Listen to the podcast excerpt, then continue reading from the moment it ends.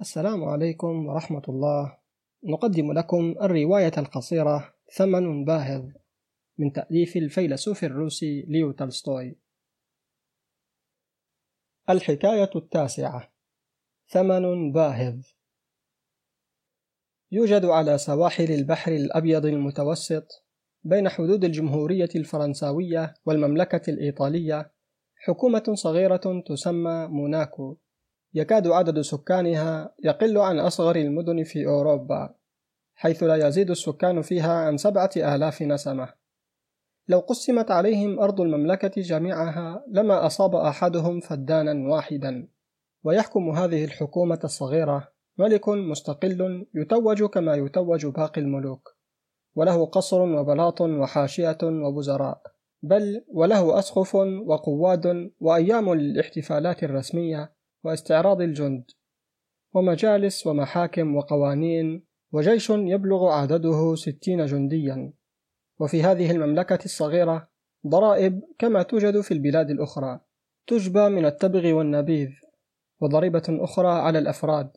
غير أنه وإن كان الناس يدخنون ويتعاطون المسكرات كما يفعل الناس في البلاد الأخرى إلا أن ما يتوفر من هاتين الضريبتين قليل يكاد لا يكفي للمحافظة على أبهة الملك ومظاهره ولإعاشة الحاشية والموظفين. ولذلك لم يرى الملك في تلك البلاد مندوحة من أن يفكر في إيجاد ضريبة جديدة مبتكرة تدر عليه بالأموال الوفيرة. وهذه الضريبة تأتي من بيت للقمار يلعب فيه الناس اللعبة المعروفة بالروليت. فالناس تلعب وسواء أخسروا أم كسبوا فلصاحب الدار جزء معلوم من الداخل والخارج. ومن هذا الجزء يستوفي الملك مبلغا كبيرا من المال.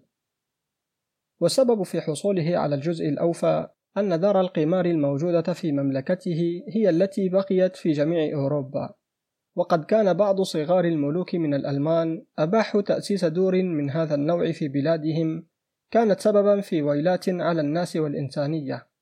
ورأى أهالي ألمانيا أنه كثيرا ما يفد الرجل إلى دار من هذه الدور ليختبر حظه فيقامر بكل ما يملكه من المال. حتى إذا ما خسر اقترض وقامر بأموال غيره ففقدها أيضا إلى أن يدب اليأس في نفسه فينزع إلى الانتحار. ولذلك ثاروا في وجوه ملوكهم ووقفوا بينهم وبين اكتساب المال بهذه الطريقة الممقوتة.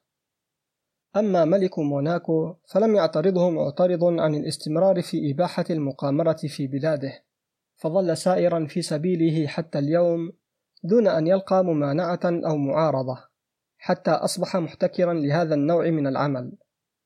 فكل إنسان يريد أن يقامر يجد أبواب موناكو مفتوحة له على مصراعيها وسواء أكسب أم خسر فلملك تلك البلاد نصيب مما في جيبه. يقول المثل إنك لا تستطيع أن تحوز قصورا شامخة من طريق العمل الشريف. وملك موناكو لا يعلم تماما أن مورد رزقه ملوث دنس ولكنه مضطر لأنه يريد أن يعيش ولأنه يعلم أن الأموال الأخرى التي يشبهها من ضرائب التبغ والخمور ليست أصفى ولا أطهر من أموال القمار فهو بذلك يعيش ويحكم ويهب الجوائز والأعطيات ويحافظ على أبهة الملك كسائر الملوك الحقيقيين. فهو يتصدر للحكم ويقيم مهرجانات التتويج ويعطي الأوسمة ويجازي ويعفو.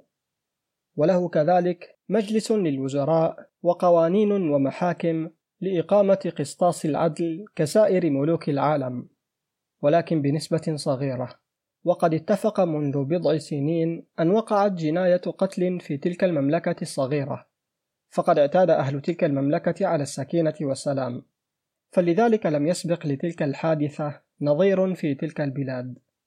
واجتمع القضاة اجتماعا رسميا وبدأوا ينظرون في القضية وكان هناك نواب عموميون. فتناقشوا في القضية بعد درسها وأصدروا حكمهم بأن يقطع رأس القاتل كما ينص القانون. ثم رفعوا الحكم إلى الملك فقرأه ووقع عليه بهذه الجملة. إذا كان المجرم يجب أن يقتل فليقتل. إلا أنه اعترضتهم عقبة وقفت في سبيل تنفيذ هذا الحكم. تنبه لها الوزراء فيما بعد وهي عدم وجود آلة جولوتين للإعدام أو جلاد للمملكة. وبعد المداولة فيما بينهم قرروا أن يكتبوا للجمهورية الفرنسية يسألونها عما يكلفه جلب آلة جيلوتين وجلاد من فرنسا إلى موناكو. وبعد أسبوع ورد إليهم الرد بأن إرسال الآلة ومأمورها يكلف ستة عشر ألف فرنك فلما عرض الجواب على الملك دهش منه وقال مستغربا ما هذا؟ إن الشقي لا يساوي هذا المبلغ أندفع ستة عشر ألف فرنك دفعة واحدة؟ ألا توجد طريقة أرخص من هذه؟ إن المبلغ المطلوب لو وزعناه على سكان المملكة لأصاب الواحد منهم أكثر من فرنكين وذلك لا يرضي الشعب وسيحدث بلا شك هياجا في الأفكار والخواطر. ثم دعي مجلس الوزراء للاجتماع والنظر في المسألة من جديد فقرروا أن يرسلوا كتابا إلى مملكة إيطاليا لما بينه وبين ملك البلاد من أواصر الأخوية في الملكية وخليق بأن يلبي الطلب بثمن أقل وأرخص. فأرسل الكتاب. وبعد زمن وجيز وردت الإجابة فإذا فيها أن إيطاليا ترسل الآلة ومأمورها بسرور ونظير نفقات تقدر بمبلغ 12 ألف فرنك وهو مبلغ أقل من الأول إلا أنه لا يزال باهظا بالنسبة لتلك المملكة الصغيرة. ومن أجل ذلك دعي الوزراء للالتئام مرة أخرى فاجتمعوا وتداولوا في إيجاد طريقة أرخص من هذه فقال بعضهم ألا يمكن لأحد من الجنود أن يقوم بذلك العمل ولو بطريقة خشنة؟ وسرعان ما ارتاح الحاضرون لهذه الفكرة وعزموا على دعوة قائد الجند إليهم لأخذ رأيه في الموضوع. فلما حضر إلى المجلس قالوا له ألا يمكن أن تجد لنا جنديا يستطيع أن يقطع رأس إنسان؟ فإن الجنود لا يبالون بقتل البشر في الحروب وهم يدربون في الحقيقة على القتل ويتمرنون عليه. فاستمهلهم القائد بينما يعرض الأمر على جنوده ليرى من فيهم يقدر على القيام بتلك المهمة. وعندما ذهب إليهم وفاتحهم في الأمر لم يقبل أحد منهم أن يؤدي تلك المهمة البشعة. وقالوا جميعا إننا لا نستطيع أن نؤدي ما تدعون إليه وليس ذلك مما تعلمناه. فعاد الوزراء إلى التفكير في الأمر واجتمعوا مرات متعددة. وقرروا أخيرا استبدال حكم الإعدام بالسجن المؤبد ظنا منهم أن هذا أحسن حل للمشكلة وأرخص كلفة وأقل نفقة فضلا عما فيه من مظهر الرحمة والشفقة. ولذلك لم يتردد الملك في قبول القرار والتصديق عليه إلا أنه عقب صدور هذا القرار الثاني اعترضتهم مشكلة جديدة. ذلك أنه لم يكن في المملكة سجن يصلح لحبس المجرمين مدى الحياة. اللهم إلا سجن واحد. بسيط. كانوا يحبسون فيه أحيانا بعض الناس حبسا مؤقتا. وبعد إمعان النظر طويلا في الأمر توفقوا لإيجاد محل مناسب وضعوا فيه المجرم الشاب وعينوا له حارسا ليحرسه وليحضر له الطعام من مطبخ القصر. ومر على ذلك عام كامل. وجاء اليوم الذي يعرض فيه حساب نفقات القصر على الملك. فلما عرض عليه رأى في قائمة الحساب نفقات جديدة تحت عنوان نفقات المحافظة على السجين وإطعامه تربو على 600 فرنك. وأنكى ما في المسألة أن السجين شاب يتمتع بصحة جيدة تدل على أنه سيعيش على الأقل خمسين عاما أخرى. ولذلك دعا الملك وزراءه إزاء هذا الأمر الخطير وقال لهم يجب أن تجدوا طريقة أرخص من هذه لنعامل بها هذا الخبيث. إن في الطريقة الحاضرة غبنا كبيرا وإسرافا فاحشا. فابحثوا لنا عن طريقة تنقذنا منه. فاجتمع الوزراء بصفة غير عادية ونظروا في الأمر وفكروا فيه فسنحت لأحدهم فكرة عرضها على زملائه بقوله إنني أرى أيها السادة أن نعزل الحارس ونستغني عنه. فاعترضه بعض الوزراء قائلا ولكن السجين سيفر حين ذاك. فأجابه صاحبه ليفر إلى حيث يريد فنستريح منه. وتم الاتفاق على هذا الرأي وأقره الملك. وفي اليوم التالي أمروا الحارس بأن يتنحى عن السجين وانتظروا ليروا ماذا يحدث إلا أن السجين لم يحقق أملهم فإنه بقي في سجنه حتى وقت الغذاء. فلما تأخر مجيء الطعام عن ميعاده فتح باب السجن لينظر الحارس فلم يجده.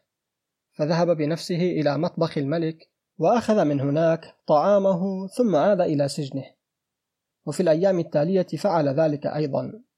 واستمر على هذه الطريقة دون أن تبدو عليه أمارة تدل على عزمه على الفرار.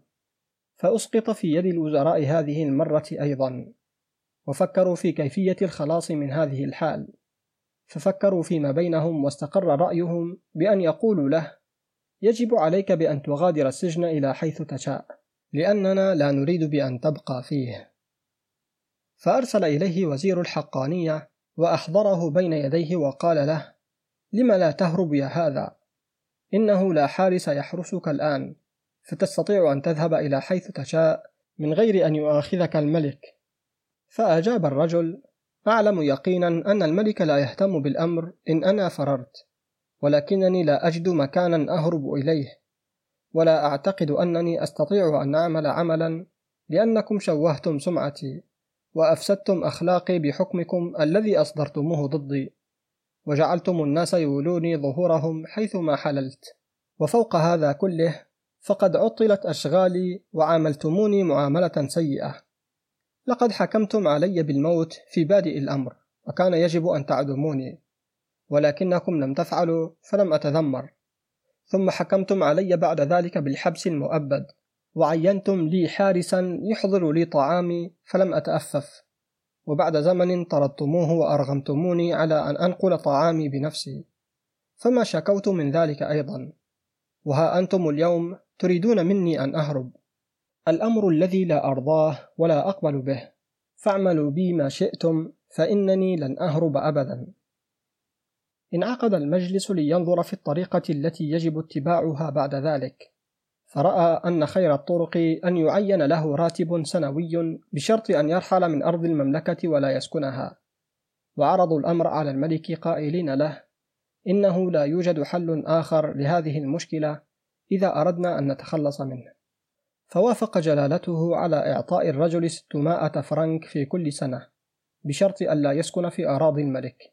وعلى هذه الصورة انتهى الأمر واستلم الرجل ثلث مرتبه السنوي مقدما وغادر تلك البلاد إلى بقعة تبعد عن الحدود نحو ربع ساعة في القطار حيث ابتاع له قطعة من الأرض جعلها بستانا فهو يعيش الآن برخاء ويذهب في أوقات معينة ليقبض راتبه وبعد أن يتناوله يمر ببيت القمار فيلعب بفرنكين أو ثلاثة فإما أن يخسرها أو يربح مثلها ثم يعود إلى مسكنه حيث يعيش بسلام واطمئنان.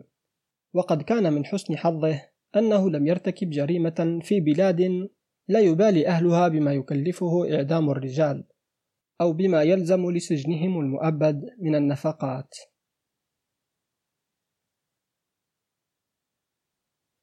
انتهت الرواية القصيرة ثمن باهظ من تأليف الفيلسوف الروسي ليو تولستوي.